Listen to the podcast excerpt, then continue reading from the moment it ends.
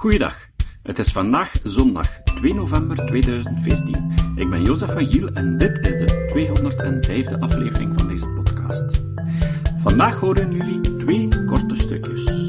Een vertaling van een essay van Steve Zara over de geschiedenis van het heelal, vertaald door Rick de Laat, en een stukje over allerlei argumenten die steeds opnieuw naar boven komen om de evolutietheorie te weerleggen. Dat stukje is gebaseerd op een YouTube-filmpje van Hemond Meta, dat vertaald is door Emiel Dingemans. Jullie herinneren je ongetwijfeld aflevering 63 van Kritisch Denken van augustus 2010, waarin we uitgelegd hebben dat Gorter van de rechter in beroep gelijk kreeg en Skep gedwongen werd om het woord kwakzalver te verwijderen uit een kritische tekst over de behandelingen van deze neparts. Skep is in cassatie gegaan tegen deze uitspraak. En de rechter in cassatie heeft het beroep vernietigd, zodat de zaak in beroep opnieuw moest worden gevoerd. Goed nieuws. Het verdict is eind oktober gevallen en de vierde rechter heeft Skep opnieuw volledig en definitief in het gelijk gesteld. Een kwakzalver mag dus weer een kwakzalver genoemd worden. Gorter is een gevaarlijke kwakzalver en we mogen dat dankzij deze rechtszaak ook zonder risico op een veroordeling zeggen. De details kan je op de website van Skep lezen, waarnaar je een link op de pagina van deze aflevering kan vinden. Schalen van de eeuwigheid door Steve Sarah. Ze zeggen dat we in een aflopend universum wonen, dat de tijd van licht en complexiteit ooit moet eindigen. Maar zo was het altijd al. En zal het misschien ook blijven. Van de vroegste tijden totdat de sterren nog maar een korte nagloed van de oerknal zullen zijn. In het begin zijn er nog geen klokken mogelijk, maar onze denkbeeldige klok tikt om de 10 tot de min 44ste seconden. In die tijd van hitte en licht is het universum vol rijke activiteit. Tijd is vreemd, voor en na zijn nog niet uit elkaar te houden. Maar dan begint de klok te tikken en ligt de richting van de tijd vast. Golven van ruimte en tijd, echoen heen en weer. Allerlei soorten deeltjes verschijnen, verdwijnen en botsen. Eén enkele kracht verbindt materie en energie tot één geheel. Het afkoelen begint. De krachten onderscheiden zich en dan de ruimte explodeert. Sneller en sneller, aangedreven door de scheidingsenergie. Het blijft maar doorgaan. De negatieve zwaartekracht doet de ruimte sneller dan het licht uitdijen. Verdubbelt en herverdubbelt het volume steeds weer. Na lange, lange tijd stopt het exploderen. De laatste kwantumrimpels zijn er nog en de energie van de vertragende uitzetting vult alles met hete deeltjes. Het wordt koud. De starthitte is helemaal verdwenen. Alles gaat trager, het universum loopt af. Er worden nu nog maar weinig deeltjes bijgemaakt. Ze zweven langzaam door de ruimte, komen af en toe hun antideeltje tegen om samen te annihileren. De ruimte is haast leeg. De klokslag gaat van één miljoenste seconde naar één seconde. Het is heet. Dit is de tijd van de plasma's, de eerste quarks en de krachtdragende gluonen. Het universum is een hete zee van kleuren geworden. Vreemdheid, top, bottom, up, down, de quantumlabels van de quarks en krachten. Terwijl het universum langzaam uitzet, koelt alles exponentieel af, totdat de fotontypes uiteengaan. Licht zonder massa vervoert elektromagnetische golven zonder begrenzing. Licht met massa heeft een beperkte bewegingstijd en draagt de zwakke kracht. Alleen neutrino's voelen die. Groeiend en afkoelend klaart het eerste plasma op als de quarks condenseren tot een mist van protonen en neutronen. De baryonen. De baryonen zijn groot, nauwelijks aanwezig, een triplet van quarks samengehouden door de sterke kracht, die vreemd genoeg zwakker worden op korte afstand. Bekijk zo'n kwark eens van wat dichterbij. Het lijkt wel een snaar, een trillende snaar. Denk je die snaar één meter lang in. Hoe groot is dan het proton? Een melkwegstelsel groot. Klokslagen vertragen van seconden tot millennia. Daar verschijnen de atoomkernen, protonen en neutronen worden bijeengehouden door de restanten van de krachten tussen de quarks. Tijd gaat voorbij, jaren, decaden, eeuwen, honderdduizenden jaren. Elektronen condenseren rond de baryonclusters. Het tweede plasma klaart uit en er vormen zich atomen. Gassen condenseren tot sterren. Melkwegstelsels en clusters van melkwegstelsels. De sterren branden een korte tijd. Exploderen, condenseren, branden, exploderen, condenseren. Op een rots rond een ster wordt complexiteit aangevuurd en ontstaat leven zoals we het kennen. Eén soort gaat de ruimte in. De cyclus van de zonnen loopt af. Dwergsterren gloeien nog een biljoen jaar rood na. De melkwegstelsels lijken wel robijnsnoeren. En dan duisternis. Klokslagen vertragen van een miljard jaren naar biljoenen jaren en meer. De zwarte gaten draaien.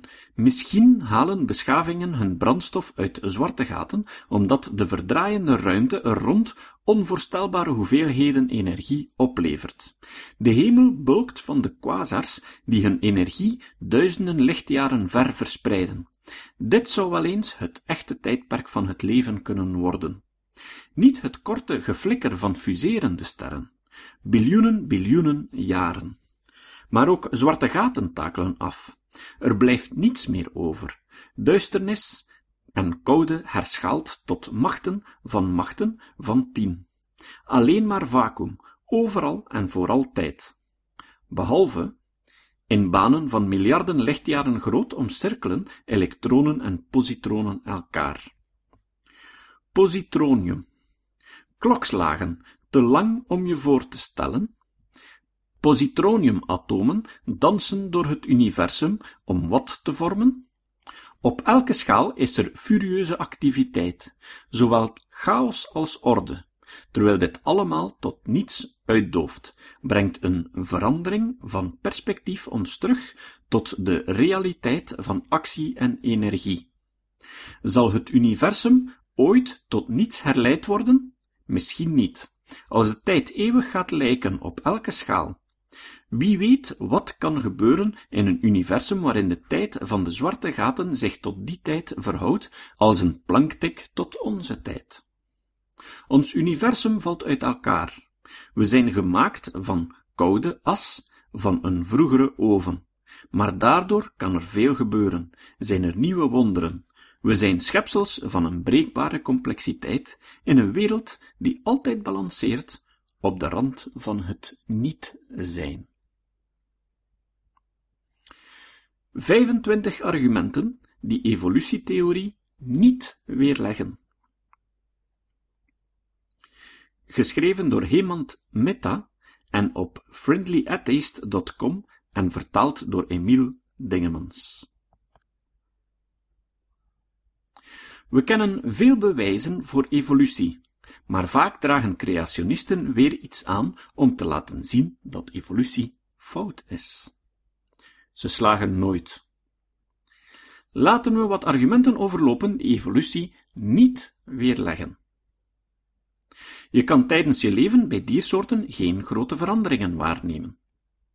Onherleidbare complexiteit, of zoals ik het graag noem, onwetendheid.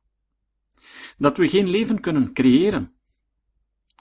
Dat heeft namelijk niks met evolutie te maken. De onwaarschijnlijkheid van ons bestaan. Veronderstelde ontbrekende schakels. Je zal nooit alle fossielen vinden.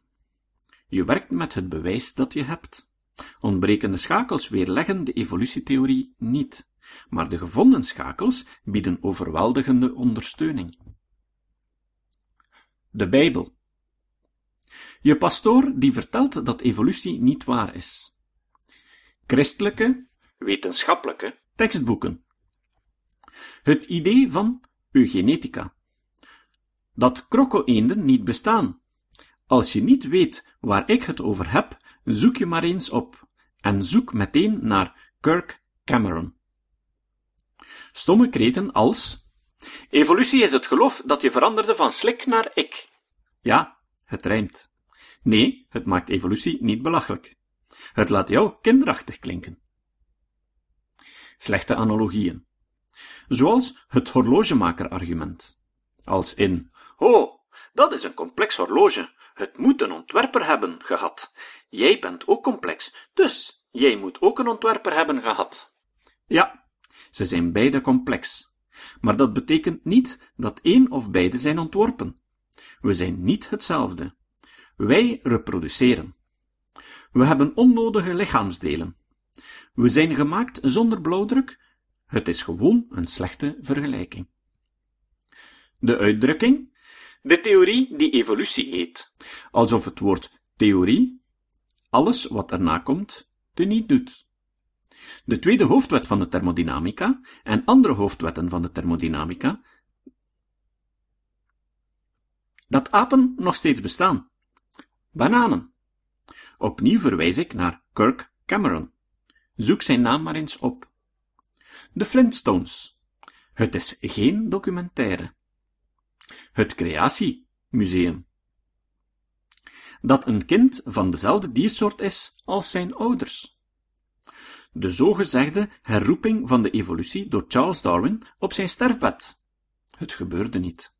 En het maakt ook helemaal niets uit dat Darwin of enige wetenschapper een detail fout had. Wetenschappers maken fouten. Maar het wetenschappelijke idee is dat de theorieën met de tijd beter worden zeggen dat koolstofdatering inaccuraat is, wat overigens totaal niet waar is. Maar zou het wel waar zijn, zelfs als koolstofdatering inaccuraat was, dan zijn er nog zoveel manieren waarop het evolutionair denken kan steunen, dat één weghalen de evolutietheorie niet minder sterk maakt. En het laatste argument dat valt? Dat jij het niet begrijpt. Het blijkt dat mensen die zeggen dat evolutie niet waar is, nauwelijks weten uit te leggen wat ze inhoudt. Misschien als eens een ander boek dan de Bijbel zouden pakken, zouden ze nog eens wat leren. Het citaat. Het citaat van vandaag komt van Maarten Boudry. Maarten Boudry is filosoof verbonden aan de Universiteit van Gent en scepticus. Hij schreef al meerdere boeken, waaronder De ongelovige Thomas heeft een punt. Boudry zei, harde kritiek op vreemde culturen, tenzij die een schaamlapje is voor racisme, is onmisbaar in een vrije samenleving. Iedereen heeft het recht om een cultuur achterlijk of vrouwenvriendelijk te noemen, of om te beweren dat racisme diep geworteld is in de Vlaamse cultuur. Zolang hij daar geen biologische verschillen aan verbindt, heeft dat niets met racisme te maken. Tot de volgende keer. Deze podcast is het resultaat van het werk van veel mensen. Rick de Laat verbetert bijna al mijn teksten en maakt de meeste vertalingen. Emiel Dingemans verzorgt onze website en Facebookpagina. Ook Leon Korteweg en Stefan Sutens schrijven, vertalen of verbeteren soms artikelen. Leon onderhoudt bovendien het YouTube-kanaal van deze podcast. De muziek van de intro en de trailer heeft Nick Lucassen geschreven en soms maken we ook gebruik van muziek van Ad van Nederpelt, die ons zijn prachtige composities ter beschikking stelt. Dit was de podcast Kritisch Denken. Vergeet niet om alles kritisch te behandelen, ook deze podcast. Voor verdere informatie over deze podcast, links en voor de tekst, surf naar www.kritischdenken.info. Als je deze podcast belangrijk vindt, kun je me steunen door anderen warm te maken ook eens te luisteren. Stuur een e-mail naar vrienden met een link naar de website en plaats de link in de handtekening van je e-mails. Tevens kun je op iTunes deze podcast een beoordeling geven of een recensie schrijven. Of je kan op je eigen website of blog een link naar kritisch denken plaatsen.